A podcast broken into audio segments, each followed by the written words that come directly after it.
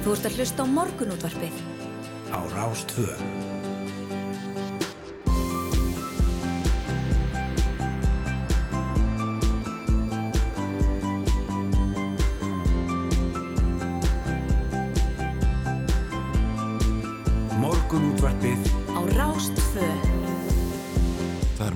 Morgunúttarpið sem fer hér að stað mánundaginn 23. mæ. Klukkuna vantar einhverja og það er yngvar Þóru Snæður Sindradóttir sem ætla að sitja hérna með ykkur til klukkan nýju. Já, góðan og blessaðan daginn, það er gaman að hafa vinnuveikuna hér með ykkur. Uh, já, og endan er ljúkurinn líka á fyrstak. Já, já, einmitt fallegu dagur uh, framundan virðist vera, allavega hér á Suðvesturordninu. Já, virkilega fallegu morgun á minnstakosti. Já, einmitt. Og við ætlum að bjóða upp á fallagan og, og skemmtilega þátt. Já, það? Já, ég ætla hana. Algjörlega. Uh, hver kemur til okkar hér upp úr klukkan uh, hálf nýju? Upp klukkan hálf nýja, já þetta er svona já. Já. Eh, Þórtís Lóa Þólastóttir Mátviti Virisnar, hún ætlar að koma hérna til okkar klukkan eh, hálf nýju. Hún greindi frá því á Facebook í gerð að hún vilja bjóða framsóknarfloknum til viðræðana við bandalag Virisnar samfélkingar og pírata og með því undirstrykað hún hotlustu sína við bandalagið og virðist hafa útilokað möguleikan á viðræði með framsóknar og sjálfstæðisflokki. Nú Einar Þorsteinsson, oddviti framsóknar, saði kvöldfréttum stöðar tvö í gær að það veri ekki endilega svo ásýnd breytinga sem að kjósendur hafa verið að kalla eftir það líðræðis, líðræðisleg krafa um það að það veri gera breytingar í borginni Mm. og við ætlum að ræða þessar meiri hluta viðræður við Þúrdísi einmitt hérna upp úr klukkan hálf nýju. Einmitt. Ababóla er nýjasti faraldurinn sem heimsbyðin hefur ágjör af þessa dagana en tilfelli hennar hafa meðal hans greinst í Noregi, Svíþjóð, Breitlandi og Spáni. Alnamistofnun saminuð þjóðana lísti því svo yfir í gær að fjölmarkar fréttir fjölmela af ababóluverunni veru lítar af kynþáttafórtum og homofóbíu sem bæri að varast því að já, þá, það mingaði líkunar, allt svona stigma mingaði líkunar á að fólk liti greina sig ef það fyndi til engina og við ætlum að ræða þessa veiru við Guðrúnu Samborg og Haugstóttur yfirlækni á síkla og veirufræði til landsbytala Íslands. Já, nákvæmlega. Eh, þetta er vonandi eitthvað sem við eh, finnum ekki mikið fyrir eh, núna næstu missurum, hvorki hér nýja, nýja annar staðar. Eh, maður Já. veit ekki það átt alltaf, alltaf að setja upp einhvers konar PCR stöð. Eh, var, var talað um eitthvað í fréttum í gerð? Já, talaðum að við myndum geta PCR prófa fyrir þessu fljótlega Já, og ég verð bara að viðkynna að þetta svona, eh, þetta er sest svolítið í DNA hjá manni, þetta er hérna, maður er ekki alveg komin yfir þetta tráma sem að, sem að síðast þegar heimsfaraldu var, nei, einmitt. þannig að, eh, já, við vonum bara að besta. Já, já. Taldum tráma þá eru þeir sem eiga rafmyndir að ganga í gennum eitt slikt mögulega þessi dagana. En eh, Kristín Lagarde, Sælabankastjóri um Evrópu, hún sagði á föstu dagina rafmyndir væru einskis virði og kallaði eftir frekara regluverki utanum rafmyndir já, til þess að eh, koma í veg fyrir að fólk setji spartnað sinn í slíkar fjárfestingar. Nú virði fjölmarkra rafmynda hefur minkað verulega undarfarnar vikur og mánuði og við ætlum að ræða stöðuna við Jón Danielsson, hann er professor í hagfræðum við London School of Economics. Einmitt. Hann verður á línu hjá okkur svona um kortir í átta. Já, og svo er að leyendur. Jújú, Sigur Ringi Jónsson innviðar á þeirra mælti í síðustu viku fyrir frumvarpi til að bæta húsnæðis öryggi og réttastöðu leyenda.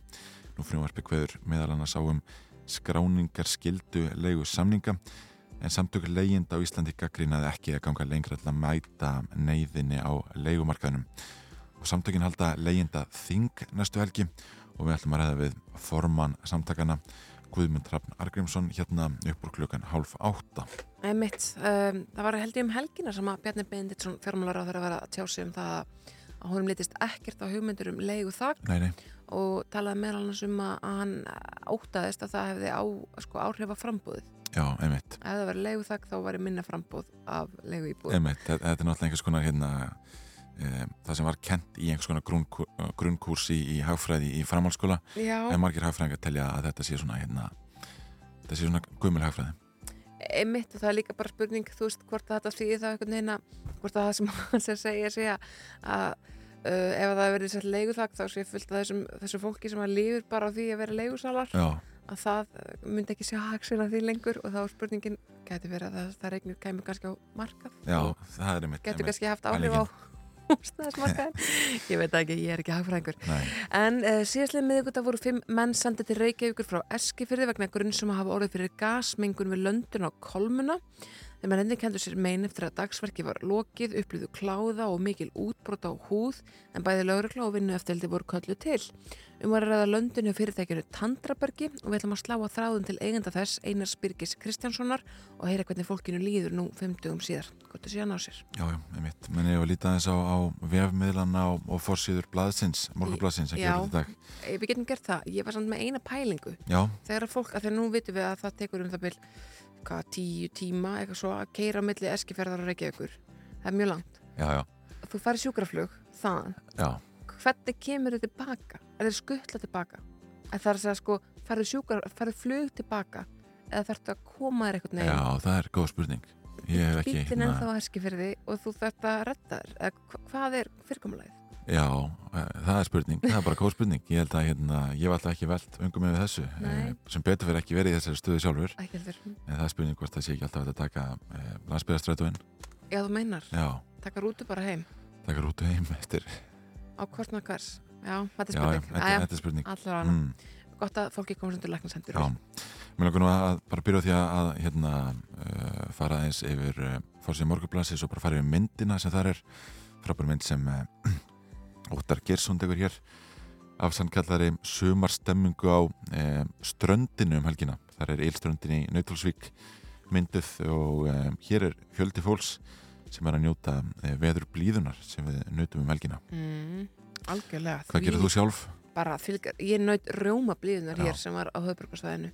Uh, fór og hitti ömmu og fór satt, satt svolítið á svölunum hjá mér líka og, svona, og bara, já, naut, naut þessi bótt já, já. að það var sko miklu heitar heldur en viðstofan hafi lofað. Nei, einmitt, einmitt. Ég fór einmitt í, í uh, sund með félagum mínum og, og uh, staða var þannig að fólk í rauninni tristi sér ekki ón í potana. Það var rauninni bara sata á, á bakkanum allan tíma.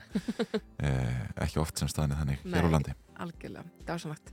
Er eitthvað að frétta fram á mókanum? Jú, það er verið að ræða hér uh, já, þröngastöðu og uh, stutt í patt í Reykjavíkuborg eins og segir hér í uh, fyrirsögn á Forsið Morgablasins að framsótt sé tvístíðandi og kostum til myndunar nýs hluti í Reykjavík virtist enn fækka í gerð þegar þeir voru fyrir kannski ekki svo margir.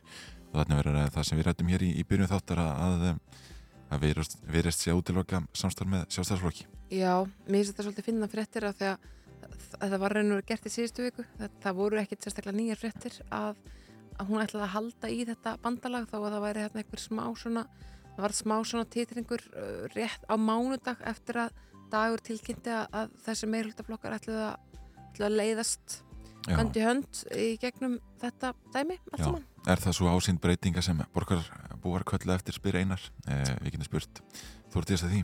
Já, við getum spurt þú ert þessi því um, þarf þetta fólk samt ekki bara að fara að setjast niður og koma sér að eitthvað í samkomulagi eða? Jú, ekki vonaði að gera það beint eftir uh, þáttinu okkur. Er það ekki? jú, jú. En eh, eins og við fórum yfir áðan þá er margt og mikið framöndan hjá okkur. Um, við þurfum líka að skipta yfir á fréttastofuna, vonbráðar.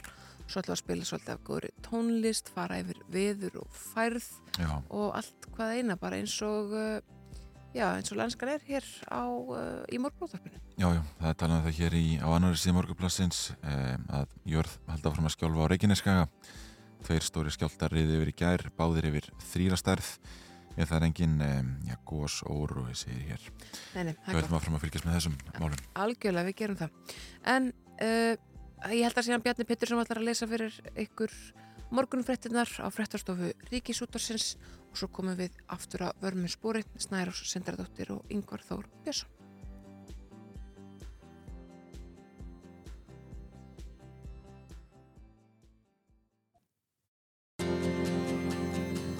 Þú ert að hlusta á morgunútvarpið.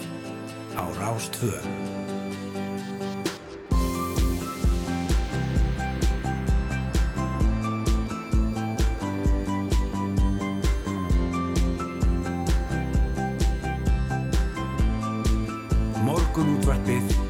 Já, við bjóðum enn og góðan dag hér í morgunútvarpunar ás 2, Snærós Sindardóttir og Yngvar Þór Björnsson með ykkur til klukkan nýju og það er eitt og annað framöndan í þættinum í dag. Það er ótt að segja það að við ætlum að ræða við Guðmund Hrafn Argrímsson, hann er formar uh, samtaka leyenda á Íslandi um uh, nýtt frumvarp Sigur Ringa innveðar á þeirra og leyenda Þing sem fyrir núna í næstu vikum. Við ætlum að ræða við Jón Danielsson, professor í hagfræð við London School of Economics um uh, rafmyndir og hrun uh, í virði þeirra. Mm Það er apabólan. Jú, jú, við ætlum að ræða hana við Guðrunu Svamburg og Haugstóttur, yfirleikna og síkla og verifræðdeild landsbytalans.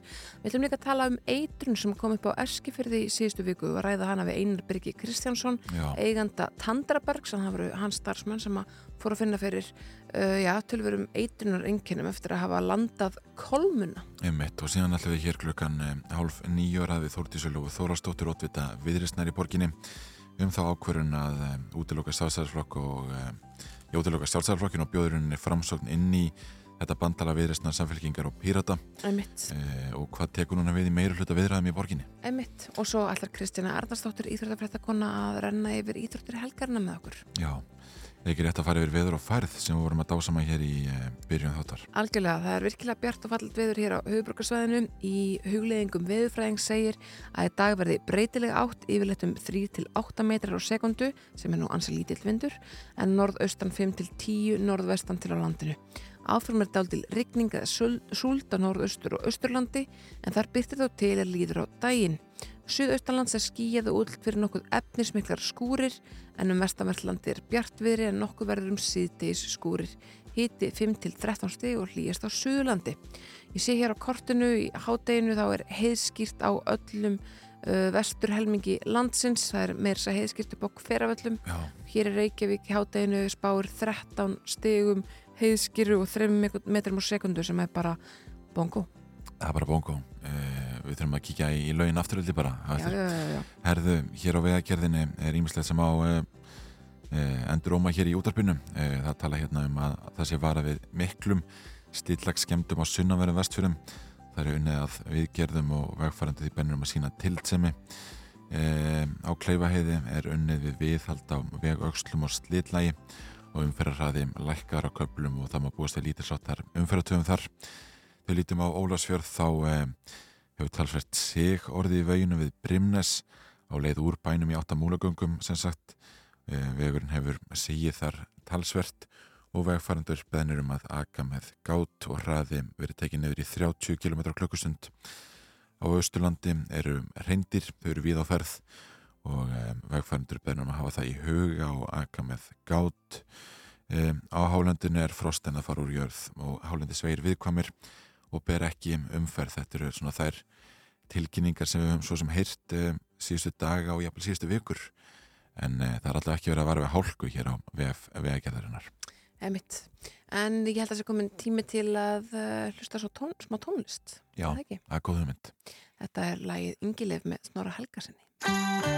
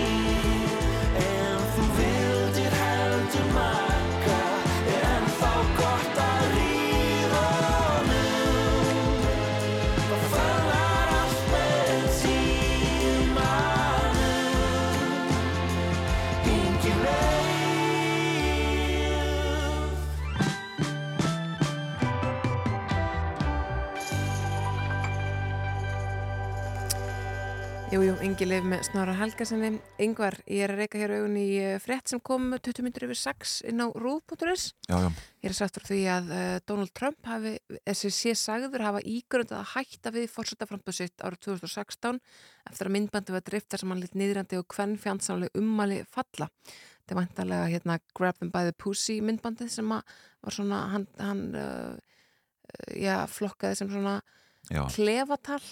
Já, já, uh, þetta er í, í nýri minningabók Conway sem uh, styrði kostningaborti Trumps árið 2016 uh, þó nokkri svona fyrirverandi starfsmenn sem voru í mikilvæg nánd við fórsetan hafa skrifað einhvers konar endurminningar Mm -hmm. frá þessu tímabili og, og svona hérna eflust margt missatt sem sattið þar allavega þeir sem, sem hafa verið í einhverju deilum við fórsetan Veit. en hún segist hafa talað hann ofan því að hætta því að það myndi tryggja Hillary Clinton frambjóðanda demokrataflokksins sigurinn uh, þú þólar ekki að tapa en ég veit líka að þú ert ekkert til í að hætta hverst Conway hafa sagt við Trump hversu umleist hafa ávitað frambjóðandan fyrir orðfærðið uh, sem hún sagði bæði viðustykilegt og verulega ámælisvert Já, þetta var ógeðslegt orðlag, það er bara þannig. Já, uh, En spáðu samt í því hvað heimurum væri að sumuleiti bara nánast bara betri staður ef að Trump, Trump hefði bara tekið ábyrðu orðun sínum og hægt við frambóð.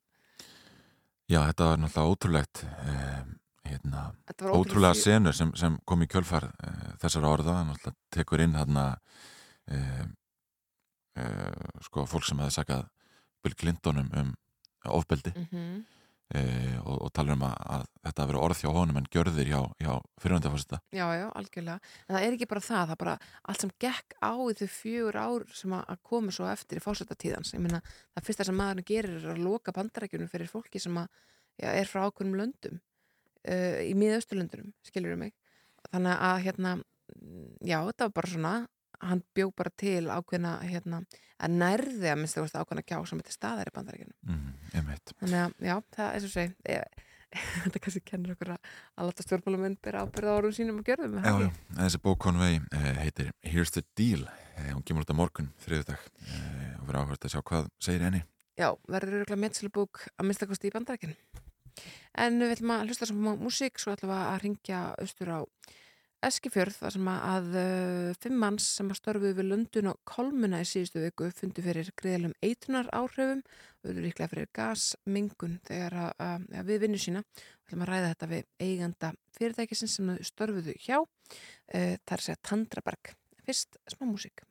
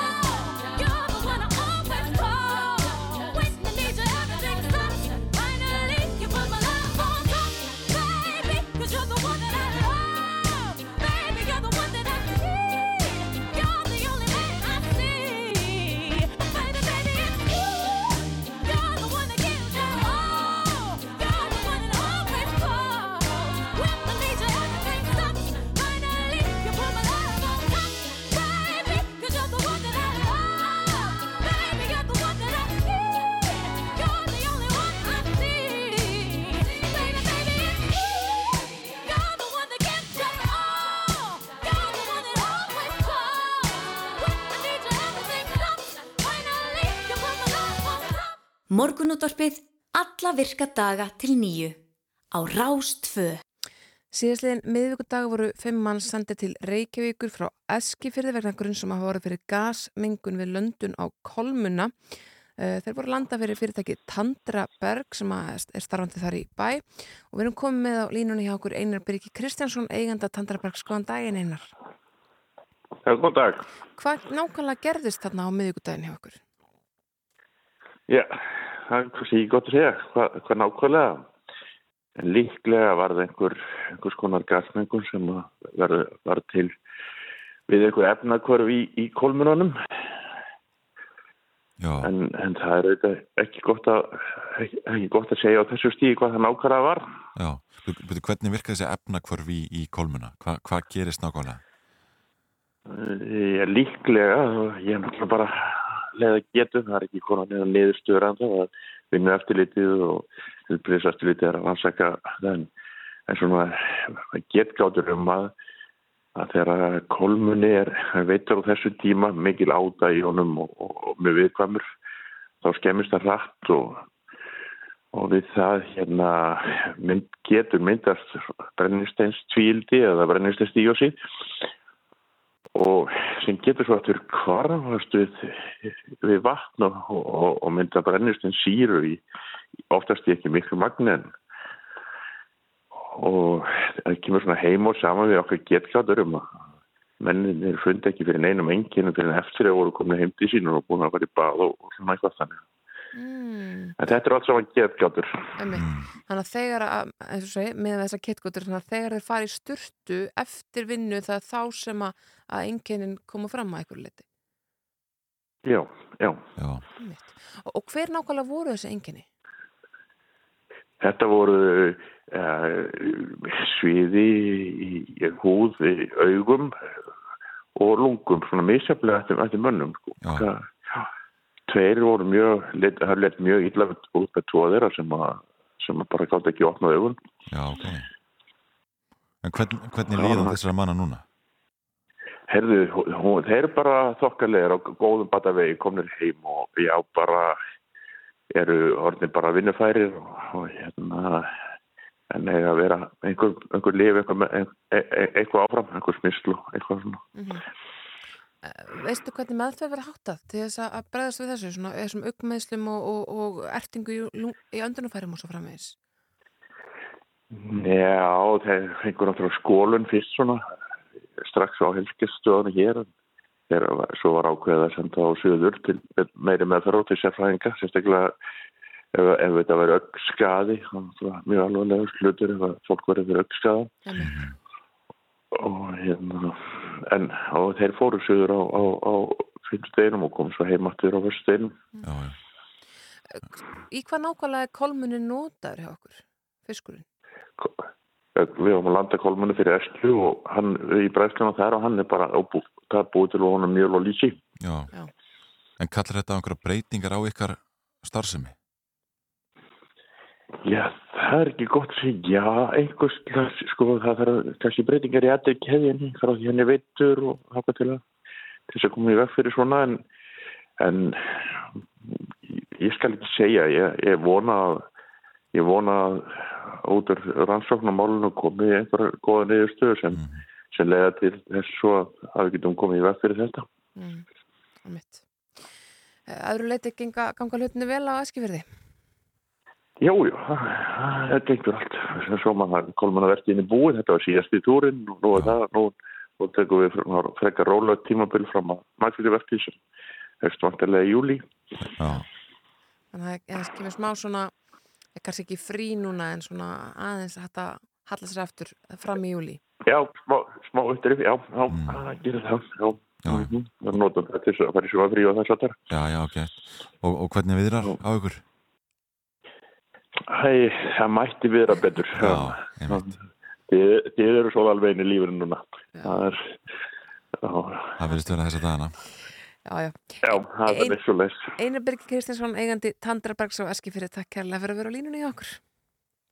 Já, takk svo leys. Ég man eftir því, yngvar, þegar að, e, ég var í skóla, þá var mér sagðar hérna algjörða hryllingsögur af svona blóðeitrunum sem fólk fekk þegar það var að landa um, langar að segja karfa, ég er ekki alveg viss. Einhvern svona fisk sem að, var hægt að sko stinga sér pílind á og, Já, hérna, já, já. og uh, var svolítið hættulegur ef, sko, ef að það var ekki rétt farið einhvern veginn að. Já, þannig að það er eina þessum svona hryllingsum sem maður heyrir úr, úr æsku. Já, einmitt, einmitt. Ég hef alltaf ekki heyrði þetta, en ég, en ég myndi alltaf fara að vala held ég með, með karvan og kormuran. Va, var, var ekkert verið að hræða þig þegar þú varst barn? Jú, jú, bara mikið ábyggla, en, en ekki hvað var það, sko, sjárótvein held ég. Nei, já, var aðeins verið að hræða mig varandi sjárót við henni, hérna, þekkti líka mann sem fekk henni svona öngul í augað Já, þannig að hérna, jú, jú, ég hef heyrt slíkar sögur. er það ekki? Jú, Já, og svo var það rottueitrið í landanum það var eina af þessum svona, Já, já. eina af þessum sem ég óttaðist alltaf tíð þannig ég drekk aldrei landa því Nei. ég hrættum að vera rottueitur í honum Jú, jú, það er eitt og annað. Að var reynda gaman að heyra frá ykkur hlustundur ef að það voru einhverjar hryllingsugur sem að, að hérna, þið heyrðuð sem krakkar bara já, á Facebooku síður ás og tvö. Það er að senda okkur skilabóð já, nákvæmlega, nákvæmlega. Fyrst smá músík, þetta er Hold On með Birgistein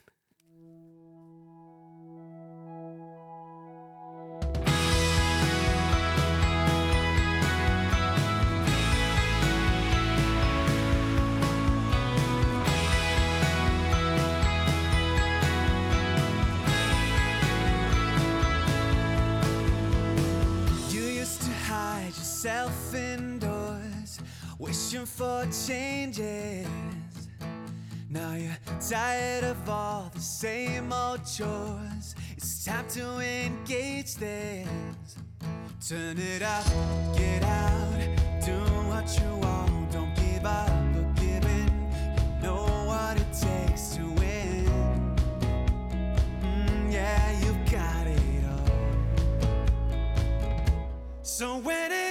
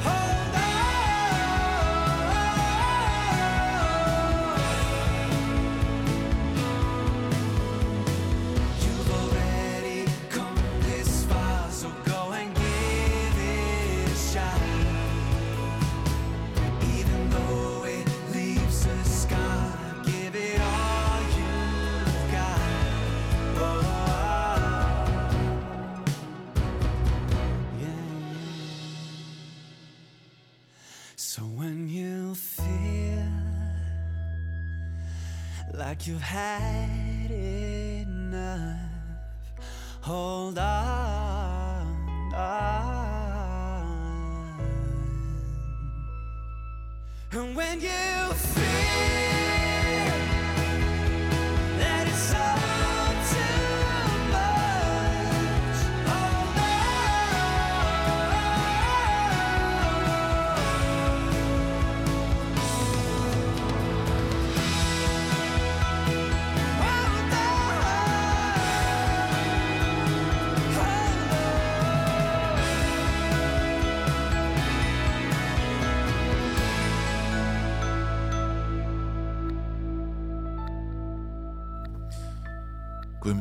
Argrímsson, um, formaður samtaka leyenda á Íslandi er að koma sér fyrir hjá okkur, hann ætlar að ræða við okkur eftir um, fréttavildi klukkan hálf átta.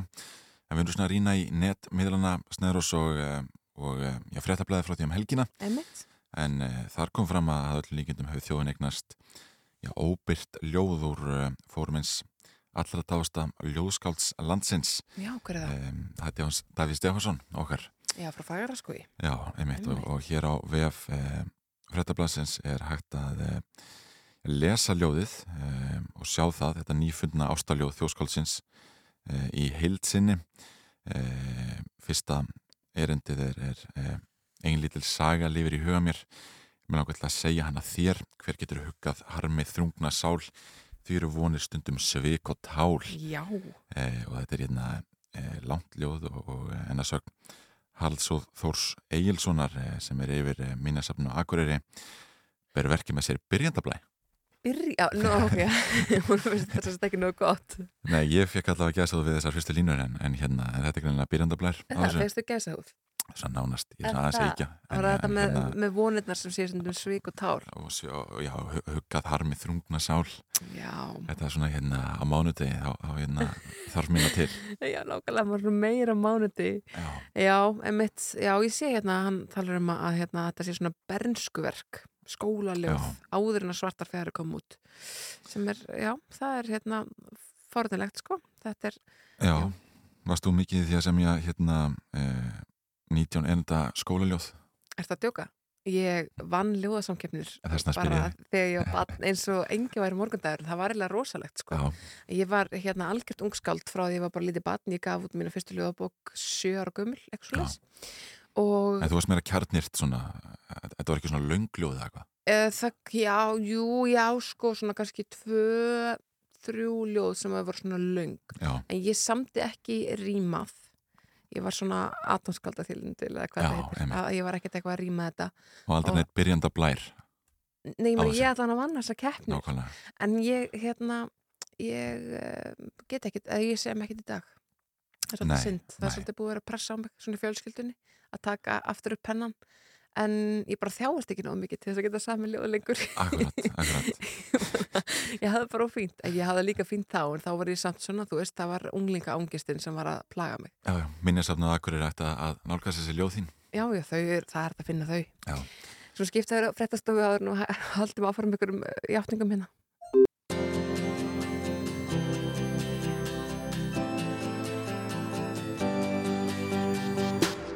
Þú ert að hlusta á morgunútvarpið á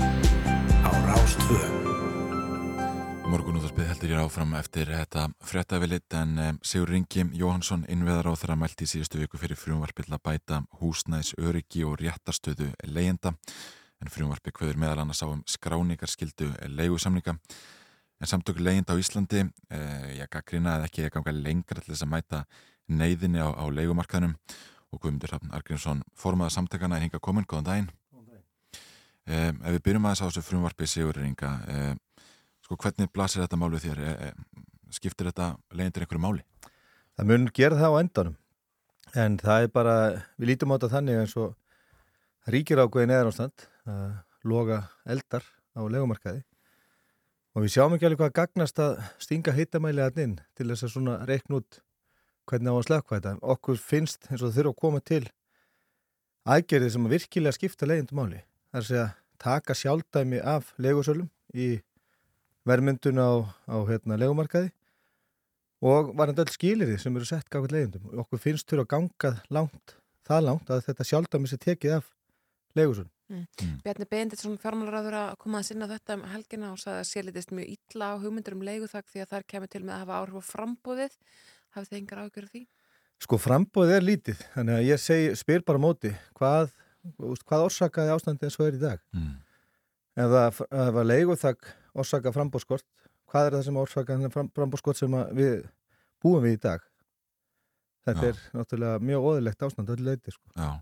Við höfum tölvöld rættum á húsnæðismarkaðin e, í þessum þáttum hérna og, og þar hafa spekingar til stundum talað um það að húsnæðisverð hafi hækkað verulega núna hérna síðustu ár Mhm. e, leiguverðið hækkað nokkuð en ekki jafn rætt og ekki jafn mikið sko hver er staða leyenda núna og, og hvernig er leiguverðið í dag? Sko, uh, í Evrópu hækkar húsnæðisverð rúmlega uh, fjóru sinnum herra heldur en uh, leiguverð. Hérna helst þetta nánast í hendur, þannig að hvergi í Evrópu er hækkandi fastegnaverði held af eins miklu þunga út, á, út í leiguverði eins og hér.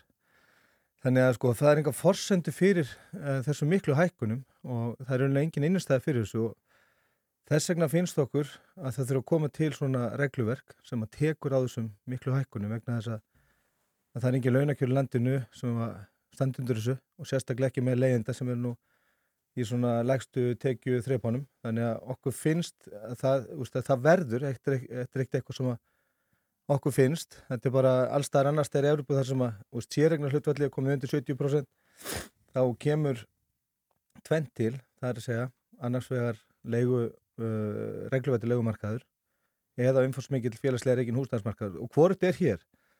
Þannig að það þarf að koma til uh, regluverk sem að takmarkar uh, sjálfdæmi leigusala vegna þess að það er það sem að þrengi mjög að velferð leiðenda og er rauninni orsakar þessa fátakt og þessi hrignandi, þessa hrignandi velferð leiðenda, það er fyrst og fremst leiguverðið, verðmyndun og leigumarkaði og það er það sem þarf að taka á að þetta mun á endanum gera það uh, það uh, finnst okkur náttúrulega mjög skrítið að skulle verið lagt til sem þið eiginlega uh, þið eiginlega tillaga til þess að laga hérna, við leikumarkaðin það bara valla gengur upp vegna þess að þetta eins og segir frumarfinu að þessi mæling mun mæla ákveði markas, ákveði markas, markaslegu og festa hann í lögmæti leiguverði voru hækkað markvallt á Íslandi umfram öll eðlileg svona hagrann viðmið uh, ef við bara lítum til nákvæmlega landana uh, fastegna verður að hækka síðan 2015 um 133%, leiga um 104%, uh, fastegna verður að hækka um 31% í Evrópu á saman tíma, leiga verður um 8%, þannig að leiga verður hækkar um fjórðunga fastegna verði en hérna nánast það sama.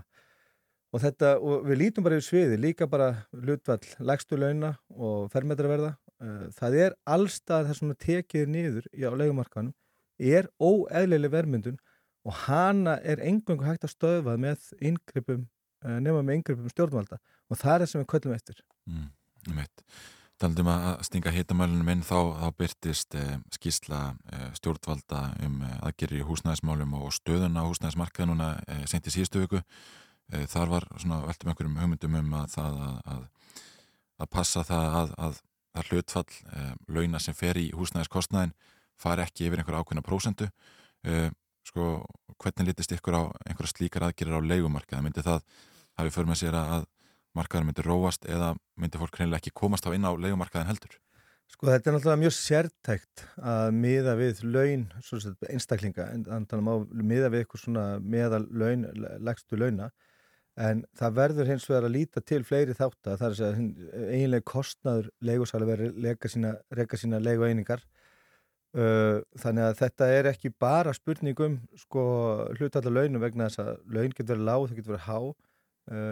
Þannig að sko það er líka hugsun bara hver er, hver er framfæsla fjölskylduna, við erum með framfæslu viðmið og framfæslu reikna og við tökum þá reikna bara fyrir þryggja fjármanna fjölskyldu þá, og þá sem eru í lægstu launum þá er í rauninni enga fórsöndu fyrir því að fólk geti borgan einan leigu, þannig að það er mjög erfitt að miða þetta við þannig Eh, það er endar þannig að í að íslensku leyendur uh, 45% er að borga yfir 45% af sínum uh, tekjum í húsalegu. Í Evrópu er hlutvallið yfir 40%, það er 9,2% í Evrópúa sem borga yfir 40% í húsalegu. Þannig að ástandi er náttúrulega fimmfalt verra hér, það er sem fimmfalt uh, fleiri sem borga yfir 40%. Þannig að þetta er einn ein, ein svona staðrendir sem segir okkur hversu óeðlilegt ástandi er hérna en auðvitað verður að taka mið af mörgum þáttu þar að segja launakjörum, það er að taka mið af kostnaði, fjármáskostnaði um, og svo líka bara eh, sem hlutvalla kaupverði og, og fastegna. Á Íslandi til dæmis er, er uh, leiga sem hlutvalla kaup af, af, af fastegnaverði í kringu 6% uh, að meðan að í Evrópu í kringum 4-45% þannig að þannig erum við aftur komið með 45% 40-50% skekkju og það er rosalega víða sem að tekiði niður.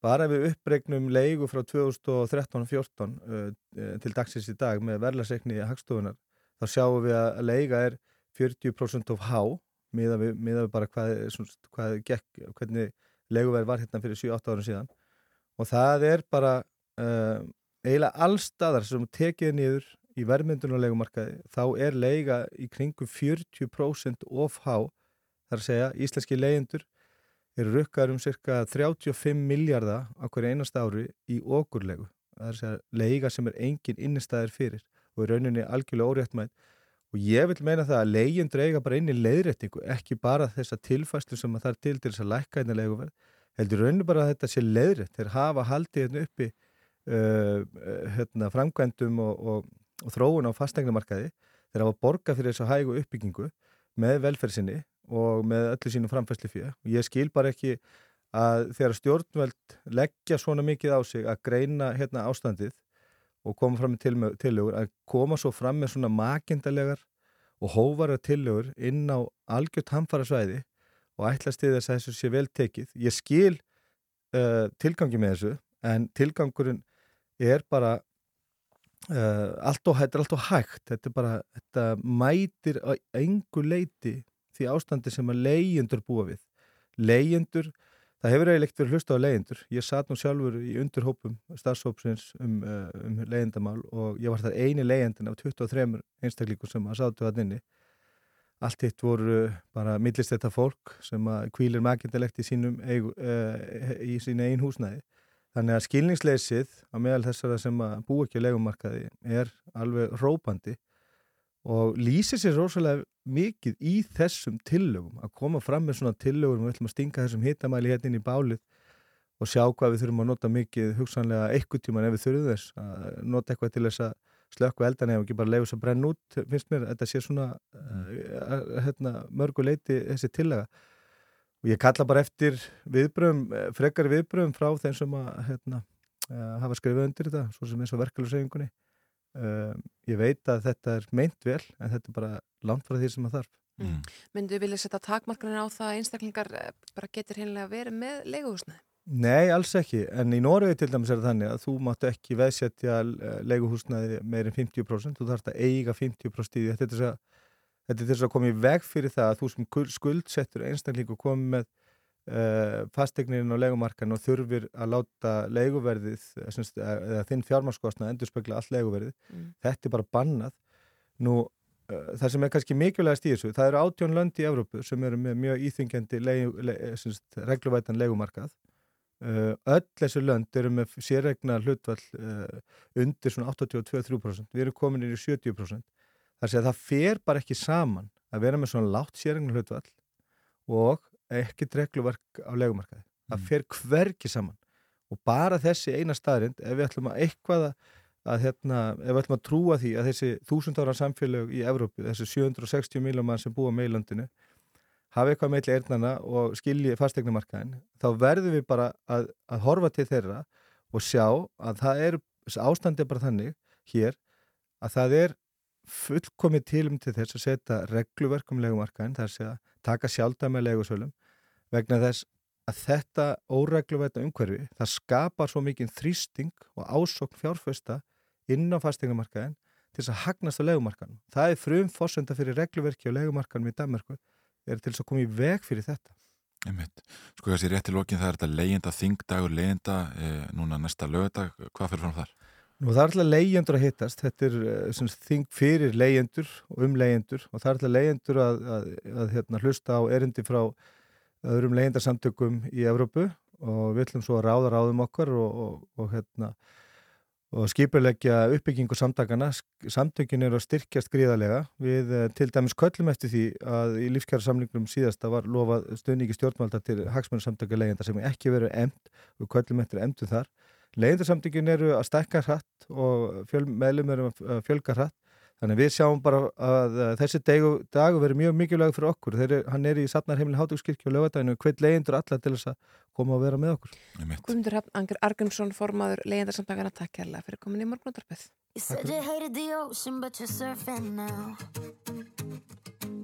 I said I love you for life but I just sold our house We were kids at the start, I guess we're grown-ups now mm. Couldn't ever imagine even having doubts, but not everything works out. No, now I'm out dancing with strangers. You could be casually dating, damn, it's all changing so fast. I see love it, I see it,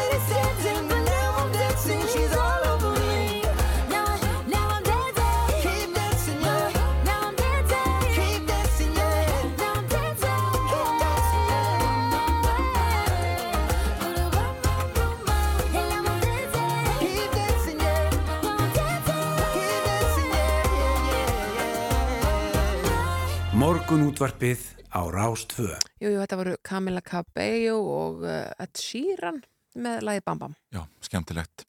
En um, Kristín Lagarde, selabankastjóri Evrópu, sagði á fyrstu daginn að rafmyndir væri í raun einskis virði og kalla eftir frekara regluverki utanum að rafmyndir til að koma í veg fyrir að fólk setji sparnað sinn í slíkar fjárfestingar en virði fjölmarkara rafmynda. Ég hefur minkað verulega undarfarnar vikur og mánuði. Nú Jón Danielsson, professor í hagfræð við London School of Economics, er komin að lína góðan daginn. Góðan daginn. Er eh, draumurnum ómiðstýrðan eh, gjaldmiðl úti? Ég hef nú alltaf verið á þeirri skoðun að því endanlega verð á bitcoin og öðrum rafmyndum væri núl, að þetta, að þetta væri verðlust en samt sem máður að ef við horfum á það hvað selabengum hefur gengið illa að passa upp á verðlægið undan farna mánuðu og ár með verðbólguna nálgast 10% í Evrópu og annars þar að þá sjáu það að selabankarnir er að gera, hafa gert gríðarlega mistök og það náttúrulega ætti að leiða til þess að einhverja aðrir gjaldmiðlar gæti orðið miklu vinsætlu og það er náttúrulega opnunin fyrir rafmyndir þó ég kannski ekki sikið trú að rafmyndir gerast en það er náttúrulega von margra það gæti gerst. Mm -hmm. Við sáum Bitcoin fara hérna í hæstu hæðir í lóks síðasta árs og svo bara, bara flatmaga með stórum, með látum núna í upphafi þessa sko er þetta, er þetta bara þessi bóla, er þetta, eins og þú segir, virði null og, og verður aldrei neitt annað en það?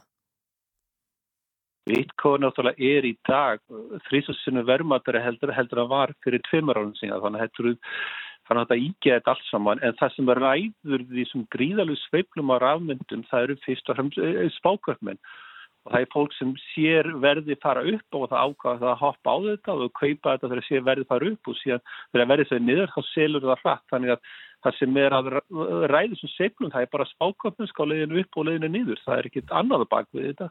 En það þýðir það ekki endilega almenningur ættir ekki að kaupa þetta. Nei, einmitt sko þegar við erum útskýrað sér rafmyndir þá, þá er það þannig að það verður að grafa eftir eins og, eins og bitcoin einhvern veginn og það er alltaf minna og minna til. Ætti það ekki að leiða til þess að verði þetta hækka hægt og bítandi aftur og næstu uh, 20 ára?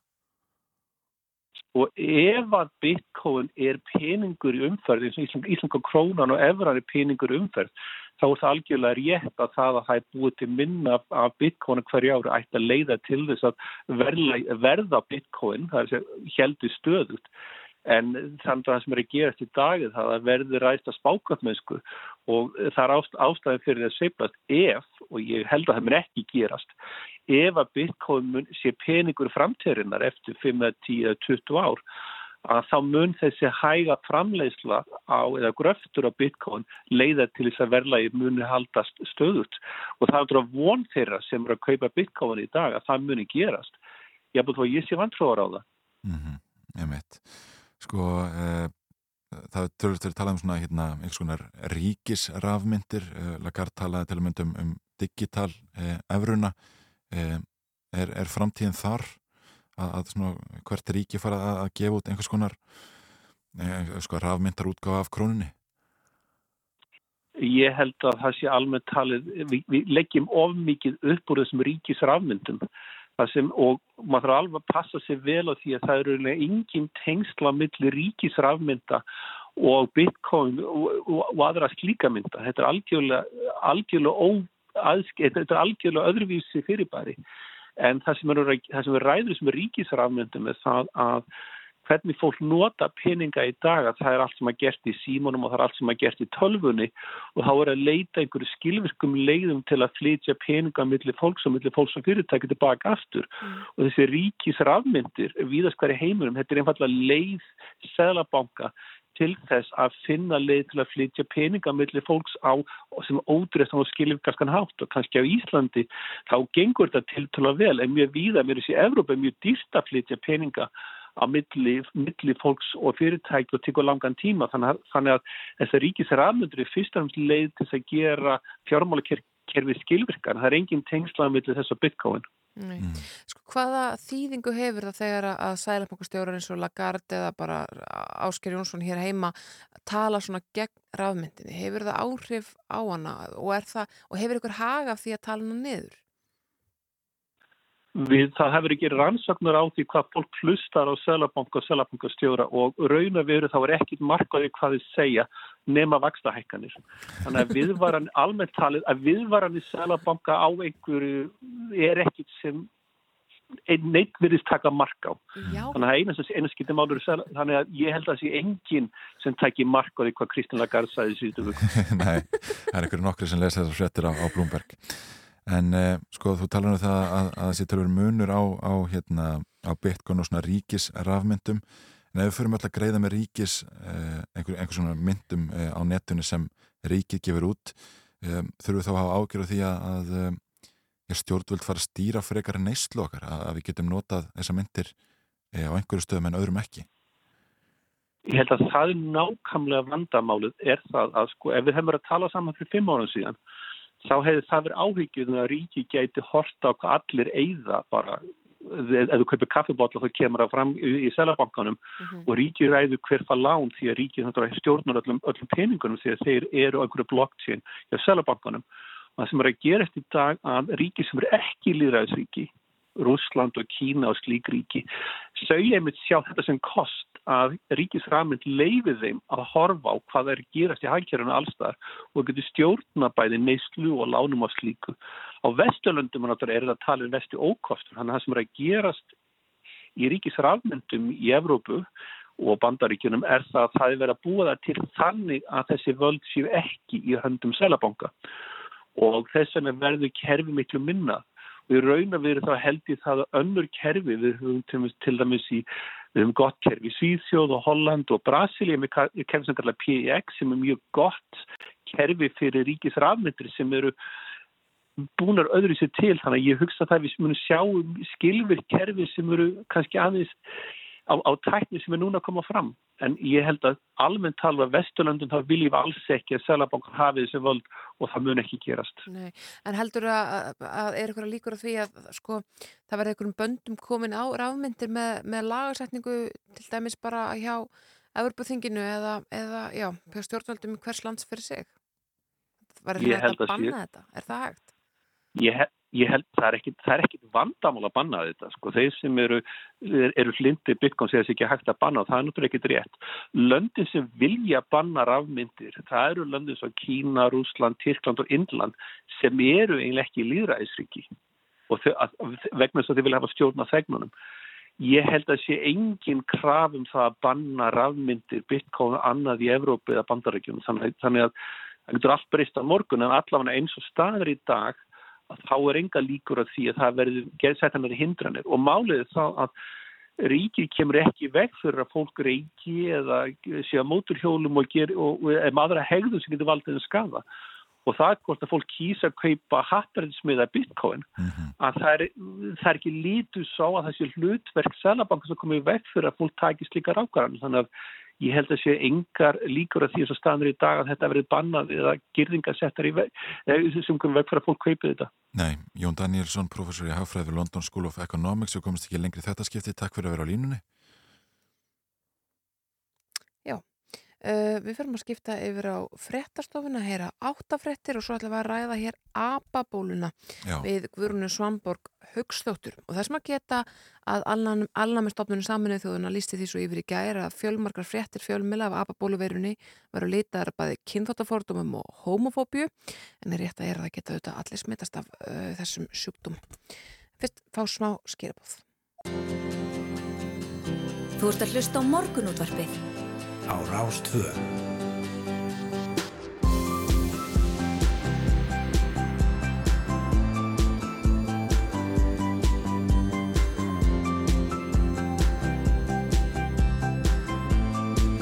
Morgunútvarpið. Á Rástvö Jú, við heldum áfram hér í morgunútvarpin á Rástvö verðum með eitthvað til hlukan nýju Við heldum að ræða uh, apabólu núna, það er nýjasti faraldurinn sem heimsbyðin hefur áhugjur af en tilfelli hennar hafa meðalans grenst í Nóri, Svíþjóð, Breitlandi og Spáni. Og hún er kominninga til okkar Guðrún Svanborg Haugstóttir yfirleiknir á síkla og verifræðild landsbytalans, verðtu velkomin. Um, uh, Við vorum að tala um það áðan fyrir þættinum að þetta er svolítið svona maður er ekki alveg búin að jafna þessar síðasta faraldri þannig að það er kannski fyrsta spurning er þetta jafn alvarlegt og fjölmjölar eru að hérna gera ráð fyrir? Er þetta eitthvað sem við þurfum að hafa virkilega áhyggjur af og, og fara í alveg bara viðbrastöðu eins og við gerðum við COVID-19? Sko, ef þetta er þannig sem þetta verist verið, þetta sé smittist greiðilega á milli manna, þá er þetta sjúkdómi sem getur verið alvarlegur uh, og jafnvel bannvætt. Þannig að það borgar sig að taka þetta alvarlega. En hann er vantilega miklu minna smittandi en COVID-ið. Mm. Þannig að vantilega getur maður komist upp með að ganga ekki alveg svona langt. En í rauninni þá er það sóttvarnalekni sem hefur mestu áhrif á þetta og hann ætlar að hafa svona fund í dag og er svona undirbúa viðbröðin. Þannig að við sjáum svona bara hvað hann segir. Já, einmitt. eh, Undirbúa viðbröðin sem sagt, eh, stendur til að fara í einhverja aðgerir. Ég veit það ekki. Nei. Bara hann, hann ræður. Já, já. Þegar við skoðum sko, ég held að margir að sé myndir af fólki með apabólu núna síðustu daga, svona óhugnanlega myndir af, af útbrotum og einhvers konar einmitt bólum á, á líkama. Hver eru, ef við fyrir maður eh, hver eru einkennin og, og, og þetta smitast alltaf með snertingu, ekki satt? Sko, þetta smitast við snertingu við útbrot. Þetta getur líka á fyrstu þegar fólk er að veikjast, þá er þetta svona influensu líka einkenni sem að getur, sem sagt, það getur verið hósti og þess að það getur smitast við hósta. Mm. En þá talum að það þurfi, einhvers það sá ég, þurfi að vera minn nær en sem tveimur metrum og í meirinn þrjá klukkutíma. Þannig að þetta smitast ekki hrætt. Maður þarf að vera svolítið mikið innan við fólkið. Það getur smitast eins og við hósta og öndunfæri, það getur smitast við útbrot og svo getur það líka föt, handklæði, sængur, föt og þess áttar sem að komast í snertingu við útbrot, Mhm. þau geta verið smitandi. Mhm. Þannig að þetta er alveg alveg hætta á smiti en það þarf samt allt annars eðlis en COVID-ið. Sem að bara, kannski gekk ekki einhvern svona mökk af, af veirum og, og smitaðast þannig. En þetta er samt þannig að fólk á kannski að vera svolítið að spritta og svona. Já, já, já bara, sko, maður þarf náttúrulega, það þarf að vera einhver veikur þá í Já. nágrennu og meðan þetta er ekki í landinu svo vita sé, þá náttúrulega getur maður slakað á. E, og þetta er náttúrulega, fólk fær einkenni, það er álitað að fólk smiti lítið sem ekkert með það er einkenna. Já. Sér veikist það og þetta eru einkenni sem að líkjast svolítið mikið hlaupabólu.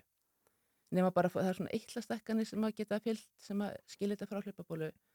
E, og þá er fólk líklega að fara að smita. Svo er það aðalega útbortin sem að smita. Þess að það Mm. koma fyrst svona róði, svo verður upphækkað, svo vessar það og það er vessin sem er mest Já. Mhm. En í flestum tilfellum er þetta ekki mjög hættulegt. Í flest, nei, sko það tala um dánarhlutfall 1-10%, það er líklega nær 1% og jafnir lægri og þarna, þannig að, en ég með þetta er samt alveg sjúkdómur. Já. Ok. Hve- Hvernig kemur þessi apabóla fram? Hvernig, akkur er einhvern veginn, við erum nýbúin að klára eina og nánast ekki búin að klára hana og þá er næsta komin. Hva, hva, hvernig gerist þetta?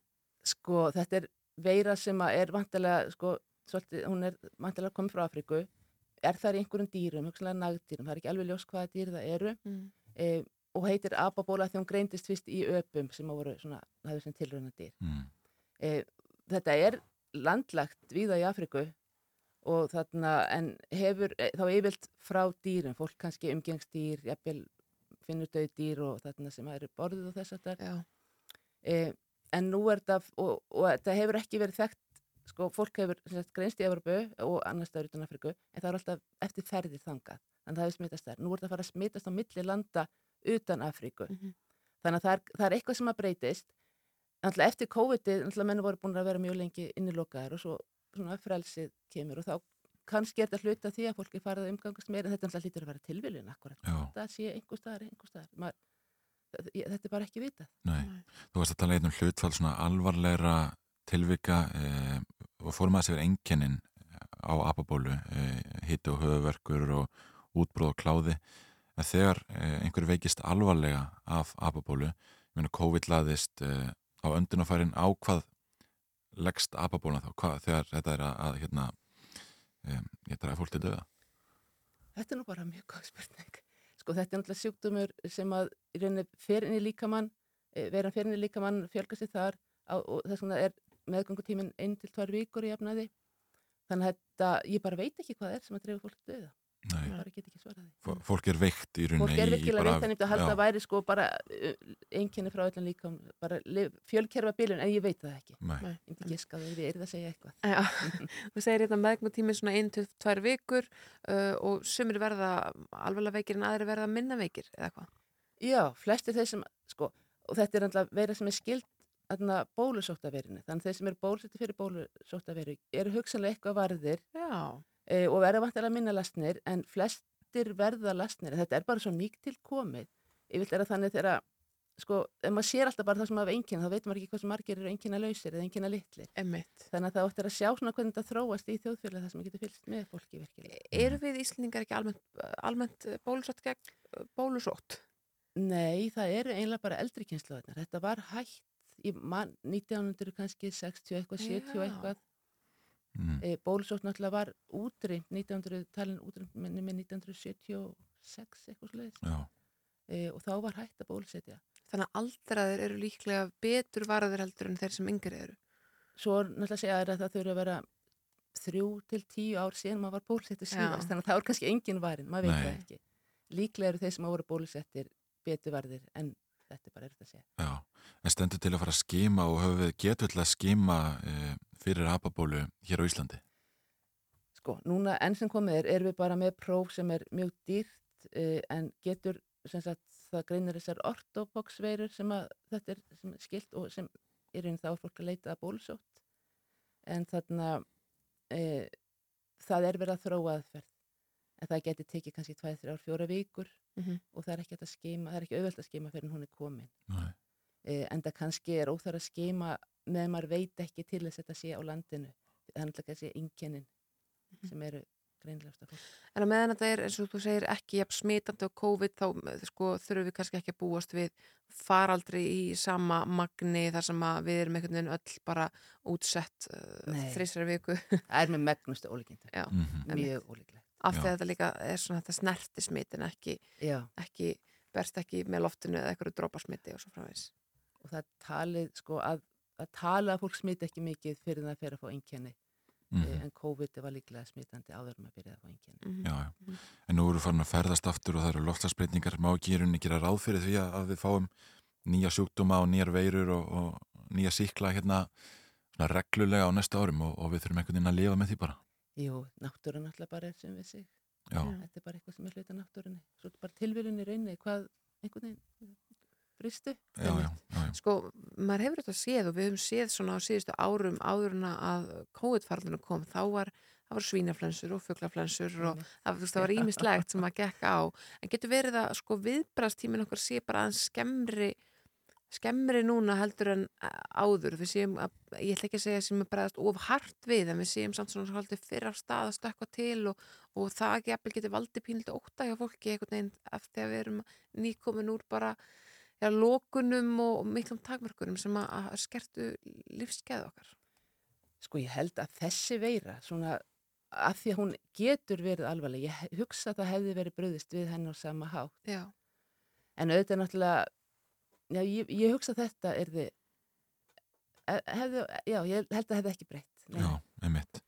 Þú náttúrulega sko yfirlæknir á síkla og veirufræðadeild Já. landsbytalans. Hvað er í gangi hjá ykkur núna, eh, hvað varðar þessa eh, apabólu og, og hvaða fundir eru fyrirhugaðir og, og hvað á að gera?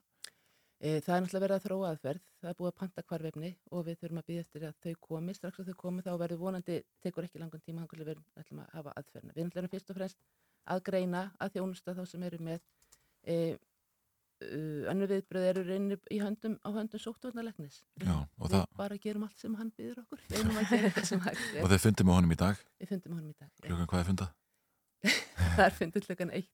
Já. Ekki bara, það er ekki bara við, það er náttúrulega fleiri, það er svona alls er fundir sem hann heldur. Guðrún Samborg Haugstóttir, yfirlæknir og síkla og veirufræðild landsbyttalans, takk kærlega fyrir komuna í morgunúttarpið. Takk fyrir mig, takk.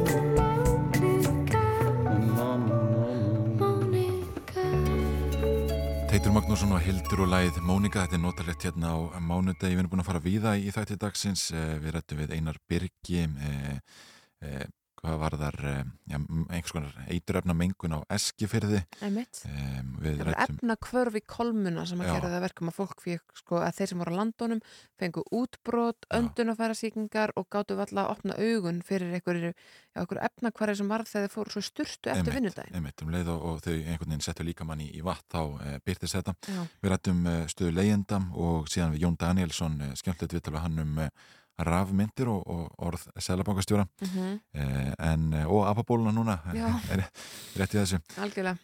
Hér er ég að reyka taldum aðbóluna og faraldur, þá er ég Já. að reyka hérna augun í frétt á uh, VF CNN Business sem að já, er, er sláandi að einhver leiti.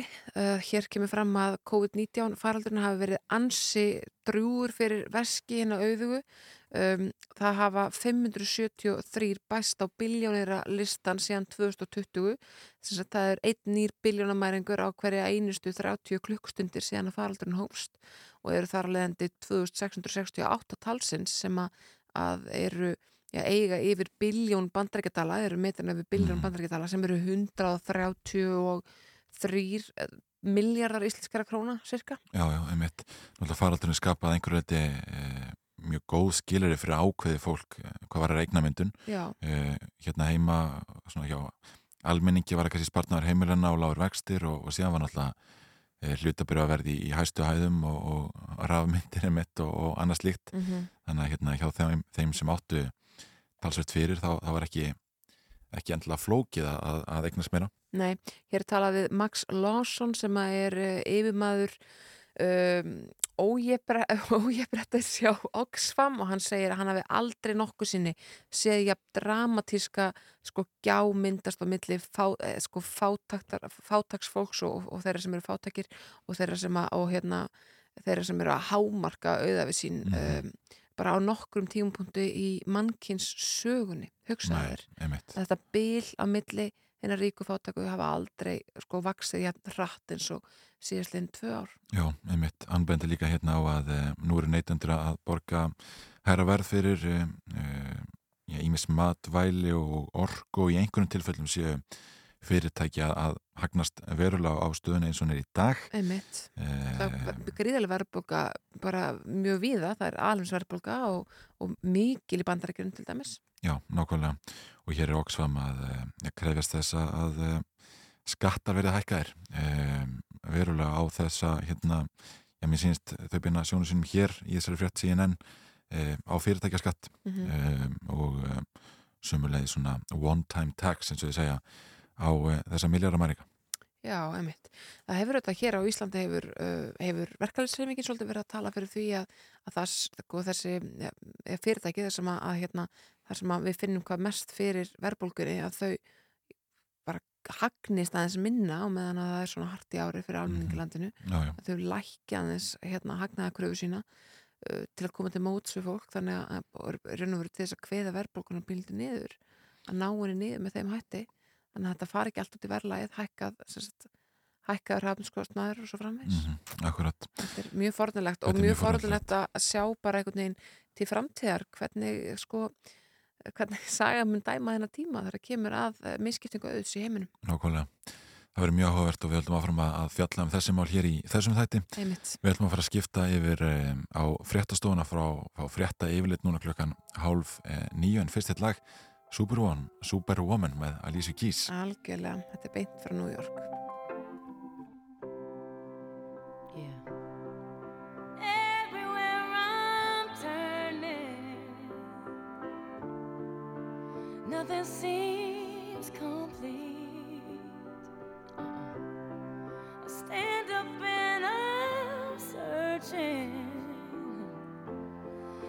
for the better part of me. I hang my head from sorrow. So much state of humanity. What's up? Wearing on my shoulders, gotta find the strength in me.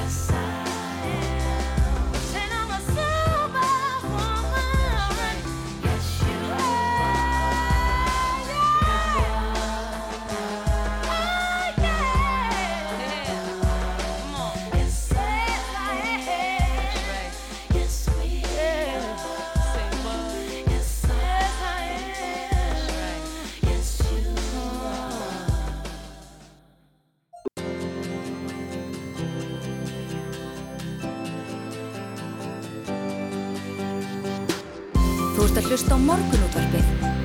Á Rástvö. Jú, jú, áfram heldum við hér í morgun útarpinu Snæður og Sindardóttir og Yngvar Þór Björnsson.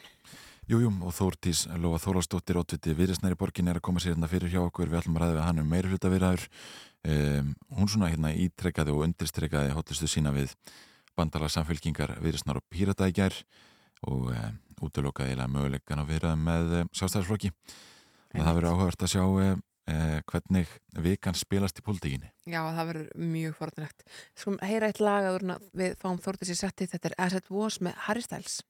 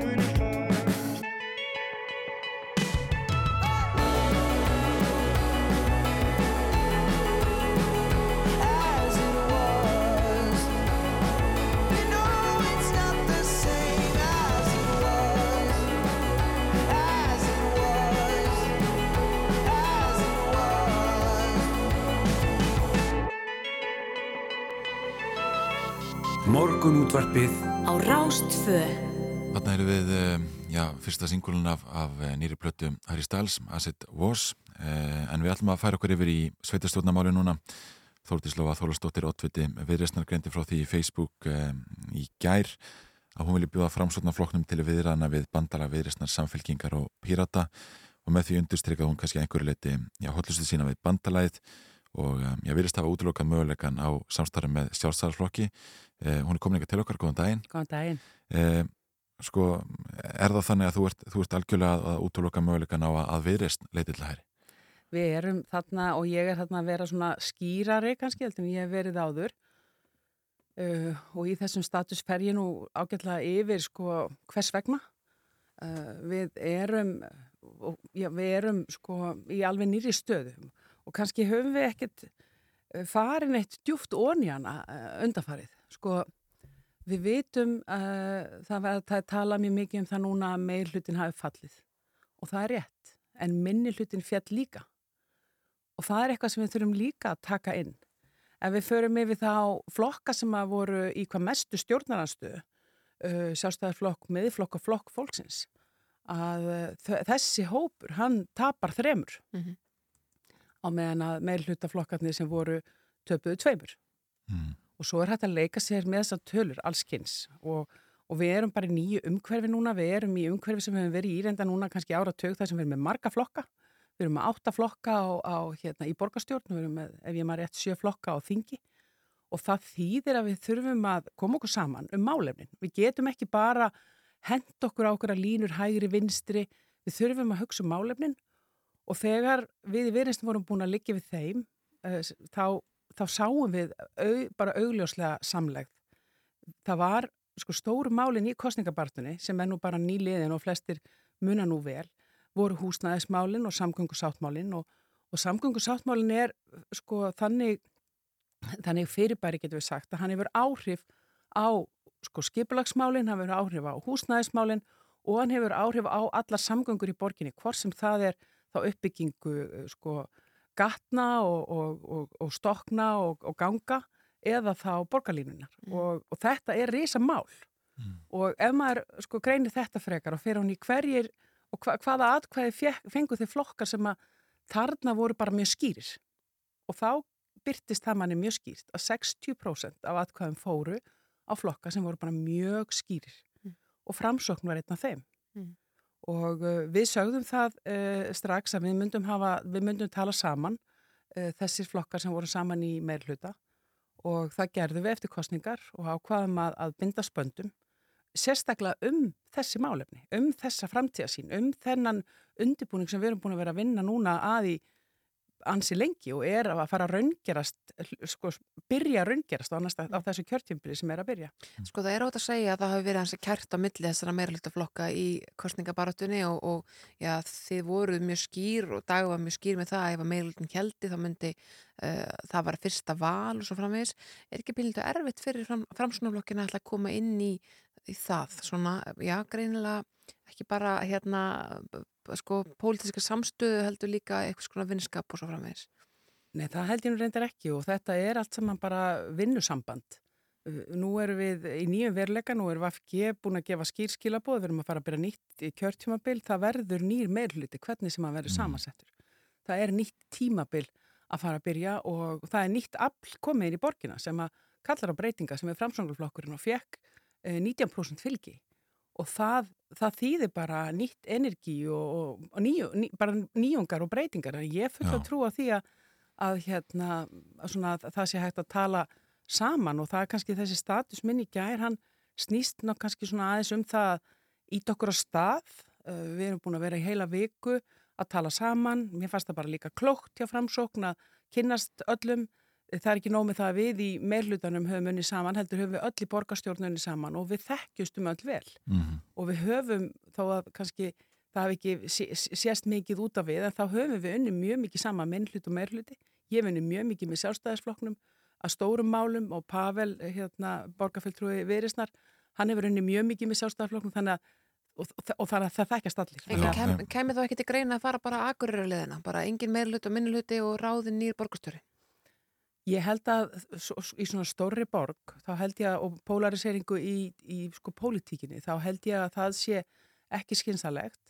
Eh, við erum svona ennþá að fá fréttir af því hvernig þetta gekk og akkurir og það virðist ekki alltaf að vera raunin núna. Mm -hmm. En svona, eh, þetta er alveg fallið hugsun og, og við vorum öll svona, hugsaðum já, ok, er þetta leið þegar við heyrðum að þessum fréttum að félagum okkur á akkurir á sínum tíma en ég held bara við höfum ekki góða sög af því í borginni að ráða borgastjóra uh, þetta eru flokkar sem eru hérna og það eru það skýr sín hjá flestum og, og það getur skapað mikla olgu og erfileika að koma málum í gegn. Og það sem að kannski það sem að snýst núna um er að halda dampi á þessu stóru verkefnum. Það við sem samfélag eigum svo gríðarlega mikið undir því Já, sko Einar Þorstinsson, ótviti framsóknar, sagði kvöldfröttum stöða tvö gæra að, að um, þetta mögulega samstarf viðreysnar, sæfylgingar, pírata og þá framsóknar var ekki svo ásýnd breytinga sem að kjósendur hafi verið að kalla eftir að veri hreinlega líðræðislega krafa um að það veri gerðar breytingar í borginni.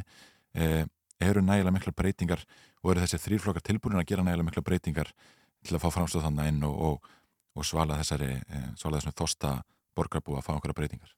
Nú get ég bara að tala fyrir mig í viðreist. Við erum mjög til í það og, uh, og svo erum við ekki komið lengra, við skulum ekki fara fram úr okkur. Við erum bara að svona se, segja skýrt að við viljum fara í viðræður. Viðræður eru viðræður og það, þá koma allir að borðinu og það, það getur farið hvernig sem er.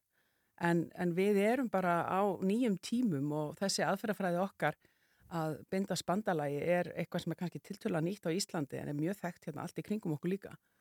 Og stjórnmála skýrindur getur örgla sagt ykkur frá því hvernig eh, svona laga gengur fyrir sig í, í stórum borgum út í, út í Skandinavíu Mm. og, og við höfum verið einna að, að líta til eh, þeirra því að við erum bara í nýjum veruleika með það að tala saman.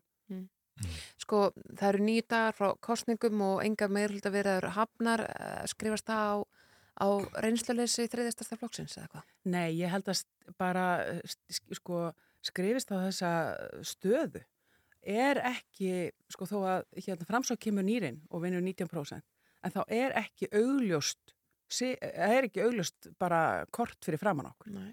Meir hlutum fellur, minni hlutum fellur.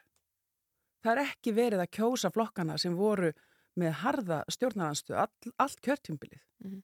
og stóðu sér bara ágætli í því en það er ekki verið að kjósa þá, þeir fella meira heldur en meir hlutin og, og, og þegar við tökum þetta inn þá hvað er það sem að borgarbúar voru að kjósa þá.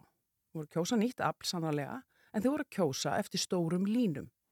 Og, og það var bara þótt að lítill leikur hér á Rúf hafi þótt verið glens og gaman þegar voru fórum öll odditarnir í já og nei spurningarnar en það var samt mjög takkrænt. Þar sást það og það flug hér um screenshot af því hvernig við sögðum já við húsnæðismálunum og borgarlínunni og samgöngusáttmálanum og, og þá bara, það verður ekkert skýran en það, þegar, þú- þarft að svara já eða nei, að þá sést það Mm. og þá eru þessar línur ansi auðlusar. Já, sko hvað tekur við hjá ykkur í viðrest núna í, í vikunni og í dag? Já, nú sko sá ég á fréttum í gær að, að það stendur til að uh, tala saman hjá framsókn og við býðum bara og, og nú bara svona þessi status minn, hann svona var til þess gerður að, að svona íta hlutum í motion.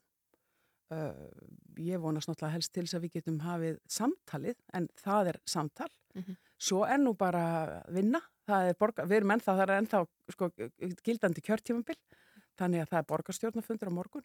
sem En, en sko, þú er vantilega, talandu bakland, eh, bara hérna einu rétt í lokin, þú er vantilega að tala við þitt bakland um sko þessa ákvörn sem þú tekur að meðan að- að vinstir græni meta þessum svo að, þeirra hagur sé betur borgið og þeirra hag sé betra borgið utan meiri hlutans í eitthvað skonar stjórnar andstöðu ef sem á orðið komast eh, sko, er, er þessu eitthvað öðru, öðruvísi farið hjá ykkur í viðreist þetta er ekki mikill munur þessu fylgi á milli þessar tvekjaflokka Nei, nei, en við erum, mér finnst alveg fráleitt að flokkar sem fái einn kjörin fulltrúi eigi bara strax að setja sjálfan sig í stjórnarnastu, mér finnst það alveg fráleitt. Það skiptir hvert einasta aðkvæða máli, þetta er líðræði. Eh, Við í Viðreisn erum mjög tilbúin eh, til verka, eh, litum ekki á eh, þessar neðstöður þannig að við ætlum bara alveg að sitja hjá aðeins að taka neitt þátt í því að, að reyna að mynda starfhæfan meirhluta í borginni. En setja flokka frá, hjá þegar þeir eru í minniluta, eru þeir þá einhvern veginn að, aðgera lausir allt kjörtimbil? Nei, en þeir kannski sitja hjá þessum umræðum um uh, það hvernig á að mynda meirhluta og svo náttúrulega bara tekur við uh, stjórnar anstaða eða, eða einhvers konar vinna með því Mhm. en ég er að meina í þessari, þessum fasa sem við erum í núna. Það, það, það fækkar verulega möguleikunum. Emmett, við komumst ekki lengra í þetta skipti. Þórtíslófa Þorvaldsdóttir Ótviti Viðresna Takk fyrir að kíkja til okkar í morgunúndarpið Takk fyrir.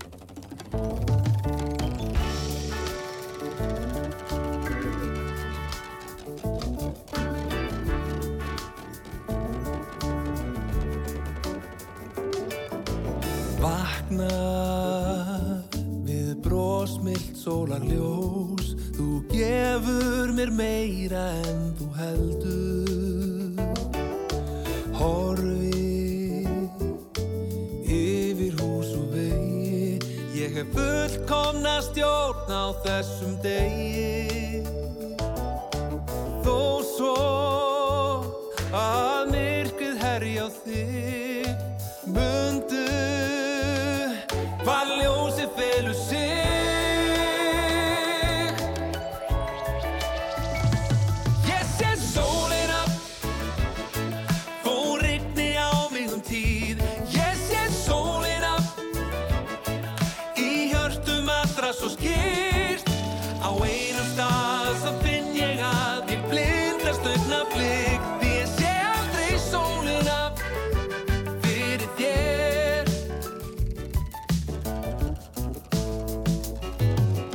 Vindurinn snertir nefið mig.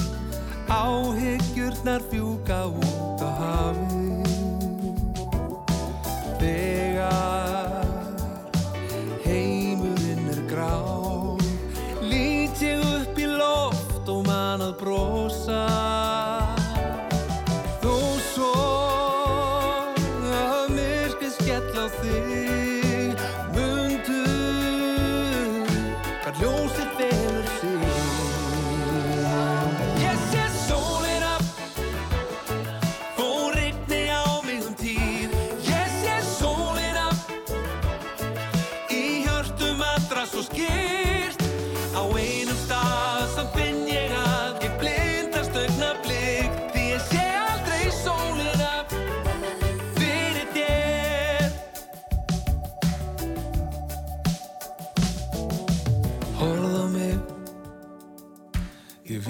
Þú sért hamingjusum Horð á mig. Mér hlýnar að innan. Ég horf á þig. Ég vil að þú sért hamingjusum Horð á mig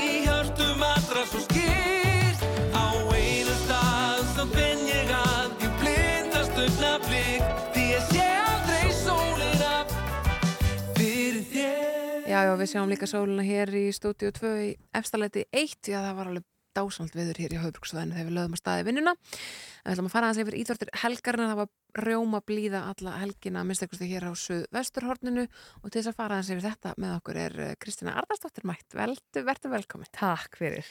Sko, rjóma blíða og fótbolti, er þetta ekki bara einhvern veginn koktell að, að dásana sumrinu, helgi? Jú, ég myndi segja það, alveg klálega sko.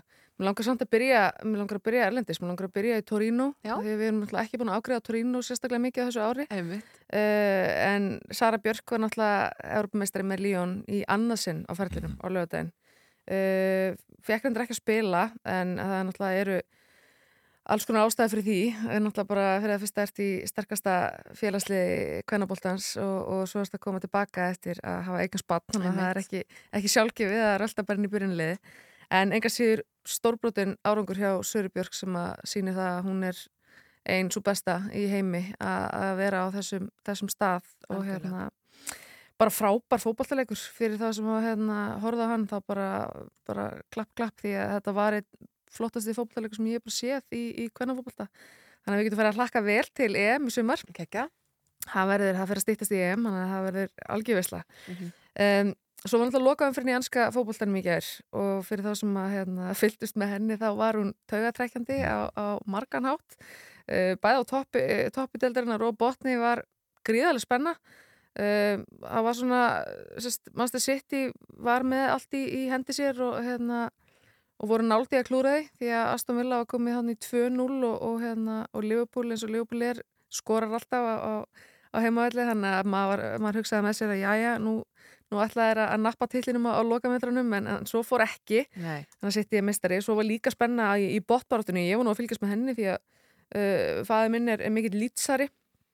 Þannig að ég þurfti að hérna, fylgjast með, með því hvort að lýts tækist að halda sér, halda sér upp í, í deildinni og hérna, þeim tókst það á dramatískan hátt, þannig að hérna, þetta var ótrúlega spennandi.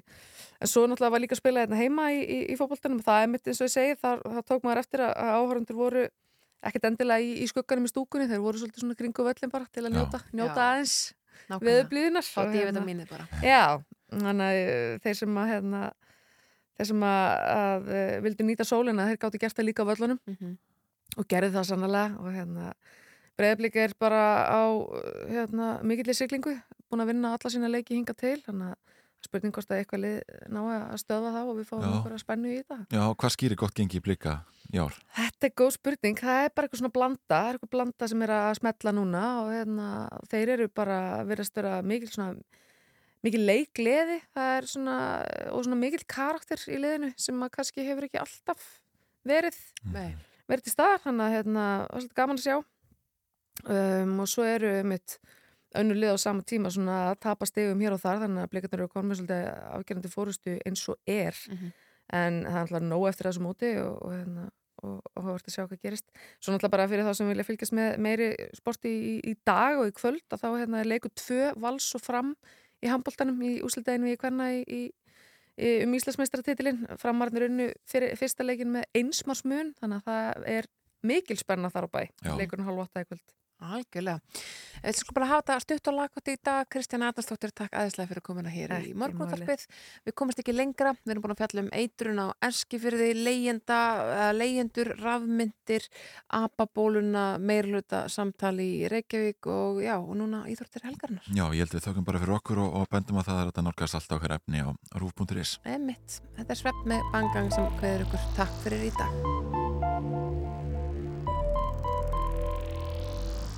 Walking in the street at night and you can't have me, can't have me, never. Walking in the street at night and you can't have me,